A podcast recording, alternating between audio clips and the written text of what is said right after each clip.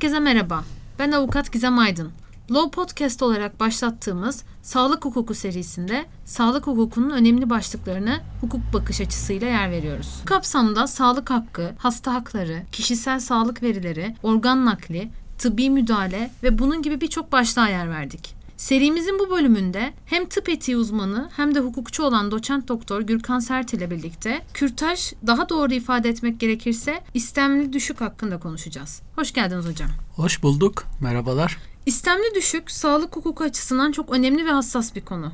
Güncelliğini hiç kaybetmeyen ve sık sık da yanlış anlaşılan veya yorumlanan bir konu istemli düşük. Biz de bugün bu hassas konuyu yasal düzenlemeler çerçevesinde konuşacağız. Hazırsak ilk sorumuzla başlamak istiyorum. Tabii ki başlayabiliriz. Hocam ülkemizde istemli düşük yasal mıdır? Evet, yasaldır. Belli koşullarda istemli düşüğe yasalarımız izin veriyor. Ne gibi koşullardan bahsediyoruz? Nasıl koşullar aranıyor? Bu koşulları birkaç başlık altında toplayabiliriz aslında. Bunlardan ilki kadının talebidir. Yani kadının istemli düşük talebinde bulunmasıdır. İkincisi belli süreler var. Bu sürelerin aşılmamış olması. Üçüncüsü de bu girişimlerin yani istemli düşük girişimlerinin yetkili kişi tarafından yasaların izin verdiği yerlerde gerçekleştirilmesidir. Peki hocam bu başlıklar sırasıyla gitmemiz gerekirse kadının talebi bu konuda neler söyleyebiliriz? Yani aslında şöyle bir cümleyi çok rahat kurabiliriz. Çok istisnai bir durum söz konusu değilse kadının talebi olmadıkça istemli düşük gerçekleştirilemez. Aslında zaten isminden de anlaşıyoruz. Yani bir talep var, bir istem var. Bu isteme yönelik olarak gerçekleştirilen, bu istemden dolayı gerçekleştirilen bir girişimden söz ediyoruz. Şöyle bir genel ifade de söyleyebiliriz. 18 yaşını dolduran ve ayırtım gücü bulunan kadın tek başına istemli düşük talebinde bulunabilir. Hocam tam burada bir soruyla müdahalede bulunmak istiyorum. Tabii buyurun. Hocam kadının evli olması, kadının istemli düşük talebinde bulunmasını nasıl etkiler? Evet, e, yine biraz ne diyelim farklı görüşlerin olduğu bir konuyla karşı karşıyayız ama şöyle bir ayrıma gidelim. Öncelikle şu anda yasal düzenlemelerde yazanlar üzerinden konuşalım. Şu anda ülkemizde nüfus planlaması hakkında kanun ve bu kanuna bağlı olarak çıkarılan tüzükler istemli düşüğü düzenlemiş durumda. Ve bu düzenlemelere baktığımız zaman yani yasaya ve tüzüğe baktığımız zaman evli ise kadının talebinin yanında eşinden de izin alınması gerektiği öngörülüyor. Bu kapsamda bu düzenlemeye göre evli olan bir kadın ayırtım gücüne sahip olsa dahi ayrıca eşinden de izin almak durumda. Yani kadının talebi yeterli gelmiyor. Ayrıca erkek eşten de izin alınması gerekiyor. Ama şunu vurgulamak önemli. Burada sözü edilen eş resmi eştir. Resmi bir evliliğin olduğu durumlarda eşten izin alınmasından söz ediliyor. Fakat bu konuda bir diğer görüş şunu savunur. Taraf olduğumuz kadınlara karşı her türlü ayrımcılığın önlenmesi sözleşmesine göre böyle bir ayrım ülkemiz hukuk sistemi açısından geçerli değildir. Şunu söyler diğer görüş. Der ki bu sözünü ettiğimiz kadınlara karşı her türlü ayrımcılığın önlenmesi sözleşmesi haklardan yararlanma konusunda kadınların evlilik statüsünün bir ayrıcı faktör olmaması gerekiyor. Yani sözleşme haklardan yararlanma konusunda kadının evli olup olmaması konusunda bir ayrımcılığa gidilmemesi gerektiğini öngörüyor. Bu durumda istemli düşük talebinde bulunan kadının hakları açısından düşündüğümüz zaman bir kadın evli de olsa ya da evli olmasa da eşit bir şekilde istemli düşük hakkından yararlanabilmeli.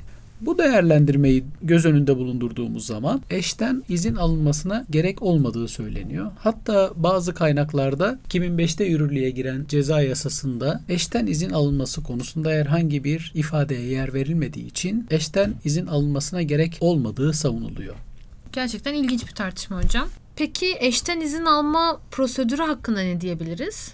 Evet aslında ona geçmeden önce belki istemli düşük uygulamalarında onamın nasıl alındığıyla ilgili birazcık konuşmak gerekiyor. İstemli düşük uygulamalarında onamın yazılı alınması gerekiyor. Çok eleştirdiğimiz bir husus var. Bu istemli düşük uygulamaları ile ilgili olan bir tüzük var. Rahim taliyesi ve sterilizasyonla ilgili bir tüzük.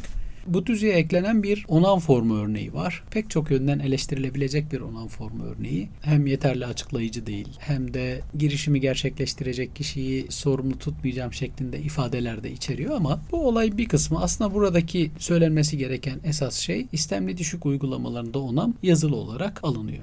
Eğer kadın evli ise eşinin de izninin yazılı olarak alınması gerekiyor. Dolayısıyla iki taraf da bu belgeyi imzalıyor ve ondan sonra uygulama gerçekleştiriliyor.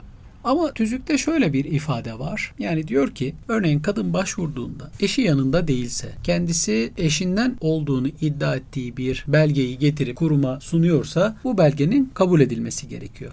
Yani şöyle söyleyebiliriz uygulamada. Erkek eşi yok, kadın kuruma başvurmuş. Erkek eşi yok diye izin almamış diyemeyiz.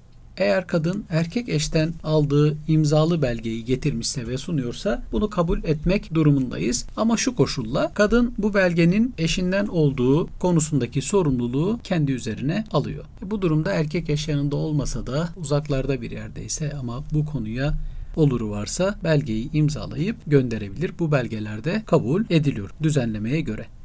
Kısaca toparlarsak bu kısmı mutlaka istemli düşük uygulamalarının yazılı onamla gerçekleştirilmesi gerekiyor. Eğer kadın evli ise eşinden de izin alınması gerekiyor ama bu konudaki tartışmayı her zaman göz önünde bulundurmamız gerekli. Ve eğer erkek eş orada yoksa aynı şehirde değillerse ya da uzaktaysa belgeyi imzalayıp gönderebilir. Yine o belge geçerli bir belge olarak kullanılabilir. Biz şimdiye kadar bütün bu süreci hep ayırt etme gücü olan kadın üzerinden yaptık. Peki ayırt etme gücü olmayan bir kadının gebeliğinin sonlandırılması mümkün değil mi? Kadının akıl hastalığı nedeniyle algılama yeteneğinin olmadığı durumlarda onamdan bahsedilemez. Yani bu durumda kadının istemli düşük talebinde bulunması ya da bu konuda bir onam vermesi söz konusu değildir. E, bu durumda mesela nüfus planlaması kanununa göre ayırt etme gücü olmayan ve vesayet altında olan kadının gebeliği vasisinin onayının yanında sülh hukuk yargıcının da kararıyla sonlandırılabiliyor. Bu durumda ayırt etme gücü bulunmayan gebe kadının vesayet altında olmadığı durumlar düzenlenmemiş nüfus planlaması hakkında kanunda. Yani bu konuda herhangi bir düzenleme yok. E, bu nedenle somut olaya göre gebe kadının yararı doğrultusunda bir çözüm yoluna gidilmesi gerekiyor. Eğer hayat veya hayati organlar tehdit eden bir durum söz konusuysa, acil bir durum varsa mutlaka derhal müdahale edilmesi gerekiyor. Hayatı tehdit unsuruna rağmen acil bir durum yoksa önce kadının vesayet altına alınması ve ondan sonra vasisinin ve sulh yargıcının onayını almak gerekiyor. Bu uygulamalarda özellikle ne diyelim hukuki açıdan temiz kudreti bulunmayan bir kadının gebeliğinin sonlandırılması konusunda aslında birazcık sorunumuz var. Bu konularda daha açıklayıcı ve daha kadını koruyucu düzenlemelere ihtiyacımız var. Reşit olmayan kadınlar açısından peki durum nedir?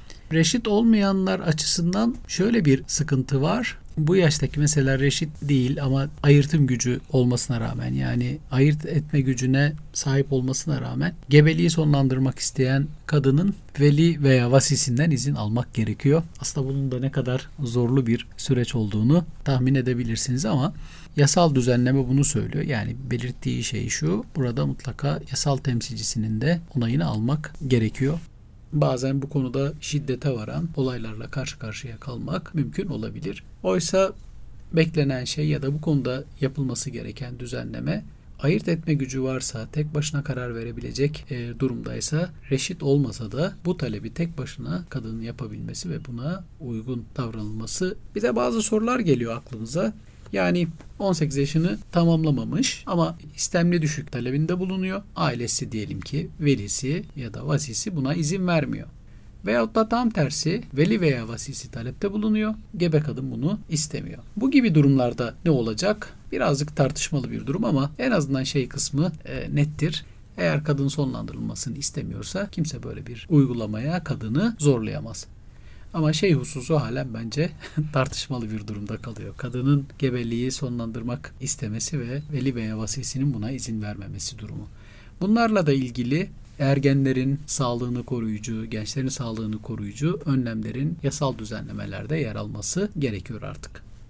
Bu açıklayıcı anlatımınız için çok teşekkür ederiz hocam. Şimdi süreler konusunda birkaç sorum olacak size. Olağan durumlarda süre nedir istemli düşük için?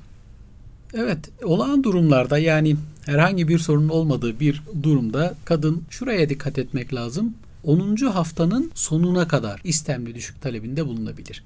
Genellikle bu süre 10 haftaya kadar ifadesiyle kullanılıyor, söyleniyor. Hayır, 10. haftanın sonuna kadar istemli düşük talebinde bulunabilir. Bu süre dışında öngörülen süreler var mı? Evet, kanunumuzun öngördüğü bazı süreler var. Bunlardan bir tanesi de aslında Türk Ceza Kanunu'nda yer alıyor. Cinsel saldırı sonucu bir gebelik oluşmuşsa 20 haftaya kadar gebelik sonlandırılabilir. Burada bir cinsel saldırı sonrası bir gebelik oluşmuşsa kadın yani 10 haftayı aşmış olsa bile 20 haftanın sonuna kadar böyle bir talepte bulunabilir. Aslında bir süre daha var. Aslında orada yani bir süre öngörülmemiş. O da özellikle kadının hayatının tehlikede olduğu, e, fetüsün hayatının tehlikede olduğu süreçlerle ilgili. Yani şu haftanın sonuna kadar sonlandırılır gibi bir durum yok. Yasal düzenlemeye göre annenin sağlığı açısından ya da bebeğin sağlığı açısından ya da bebekte sonraki nesillere yansıyacak bir hastalık söz konusu olacaksa e, gebelik yine 10 haftayı aşmış olsa bile sonlandırılabilecektir kadının talebi üzerine. Hocam süreler konusunda dünyada ne gibi yasal düzenlemeler var? Yani aslında şöyle söyleyelim, gebeliğin sonlandırılması için hiçbir süre tanımayan yasal düzenlemeler de var. Yani istemli düşüğü tamamen yasaklayan, acil haller dışında, hayati durumlar dışında yasaklayan düzenlemeler de var. Bu konuda belli bir süreye kadar gebeliğin sonlandırılmasına izin veren düzenlemeler de var. Dünyada bir süre verip de bu süreyi en kısa tutan ülke bizim ülkemiz 10 hafta sonuna kadar ama diğer ülkelerde 12 hafta, 14 hafta, 16 haftaya kadar süreler tanınmış durumda. Hocam istenme düşük girişimlerini icra etmeye yetkili kişiler kimler? Evet kanunda bu konuda yani yasal düzenlemelerde tüzükte ve nüfus planlaması hakkında kanunda bu konuda bazı hükümlere yer verilmiş. Bunlara baktığımız zaman şunu söyleyebiliriz. Mesela 10 haftaya kadar olan gebeliklerde gebelik sonlandırmayı bir kadın doğum uzmanının denetiminde pratisyen hekimler de yapabiliyorlar ama bu pratisyen hekimlerin Sağlık Bakanlığı'nın açtığı eğitimleri ve sertifikaları almış olması gerekiyor ve bunlar belli bazı işlemleri gerçekleştirebiliyorlar. Bundan sonraki yani 10 haftayı aşan gebeliklerde gebeliğin sonlandırılması durumlarında ise kadın doğumcular yetkili ve bunların hangi merkezlerde gerçekleştirileceği konusu yasal düzenlemede belirlenmiş. Yani her merkezde bu uygulamalar gerçekleştirilemez. Peki hocam son olarak ceza kanununda konuyla ilgili düzenlemeler hakkında bilgi verebilir misiniz? Bu açıdan ne gibi suçlar düzenlenmiş? Evet aslında ceza kanunundaki düzenlemeler demin sözünü ettiğimiz düzenlemelere yakın. Örneğin Türk Ceza Kanunu çocuk düşürme ve çocuk düşürtme suçlarına yer vermiştir. Burada bu suçlar çeşitli şekillerde oluşabilir. Örneğin hekim 10 haftayı aşan bir gebeliği kanunda sayılı haller dışında sonlandırırsa çocuk düşürtme suçunu işlemiş oluyor. Aynı şekilde 10 haftayı geçmiş bir gebeliği kadın kendi kendine sonlandırırsa yine çocuk düşürme suçunu işlemiş kabul ediliyor. Bu hüküm çok tartışılıyor ve eleştiriliyor ama yasamızda böyle düzenlenmiş durumda. Bunun dışında yetkili olmayan kişilerin girişim gerçekleştirmesi yine suç olarak tanımlanmıştır. Fakat şu hususa dikkat çekmek gerekiyor burada. Türk Ceza Kanunu bu düşük uygulamaları ile ilgili suçları insan öldürme suçlarının içerisinde değerlendirmiyor. Ayrı bir suç tarif etmiş. Dolayısıyla burada bir insan öldürme suçundan söz edilmiyor. Burada aslında tıbbi olarak, biyolojik olarak fetüs dediğimiz ya da embriyo dediğimiz varlığın yaşamının sonlanması ya da sonlandırılması söz konusu. Bu bağlamda bir cinayet olarak tanımlanması da en azından hukuk tekniği açısından doğru bir yaklaşım olmayacaktır. Evet hocam son olarak bu konuyla alakalı eklemek istediğiniz bir şeyler var mı?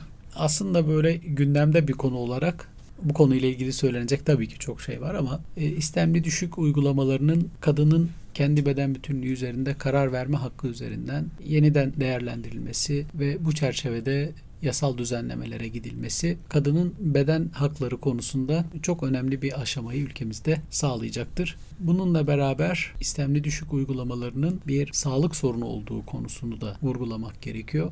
Bu anlamda tırnak içinde söylüyorum eğer sağlık kurum ve kuruluşlarında vicdani redler olacaksa, bu konu uygulanmayacaksa mutlaka başvuran hastaya da başvurucuya bu uygulamayı gerçekleştirilecek bir yere yönlendirme yapılması gerekiyor. E, bu hususlar birazcık uygulanması zor hususlar. Ama bu konuda yasalarımız böyle bir hakkı tanıyorsa, bunu bir halk sağlığı sorunu olarak değerlendiriyorsa ve bu içerikte bir düzenleme hazırlamışsa mutlaka sağlık kurumlarımızın bu konuda destekleyici yönde yaklaşım göstermesi gerekiyor. Evet, böylece istemli düşük başlığımızın da sonuna geldik. Gürkan Hocam bu gündemimizi sık sık meşgul eden konuyla alakalı açıklamalarınızdan dolayı ve bizi aydınlattığınız için teşekkür ederiz.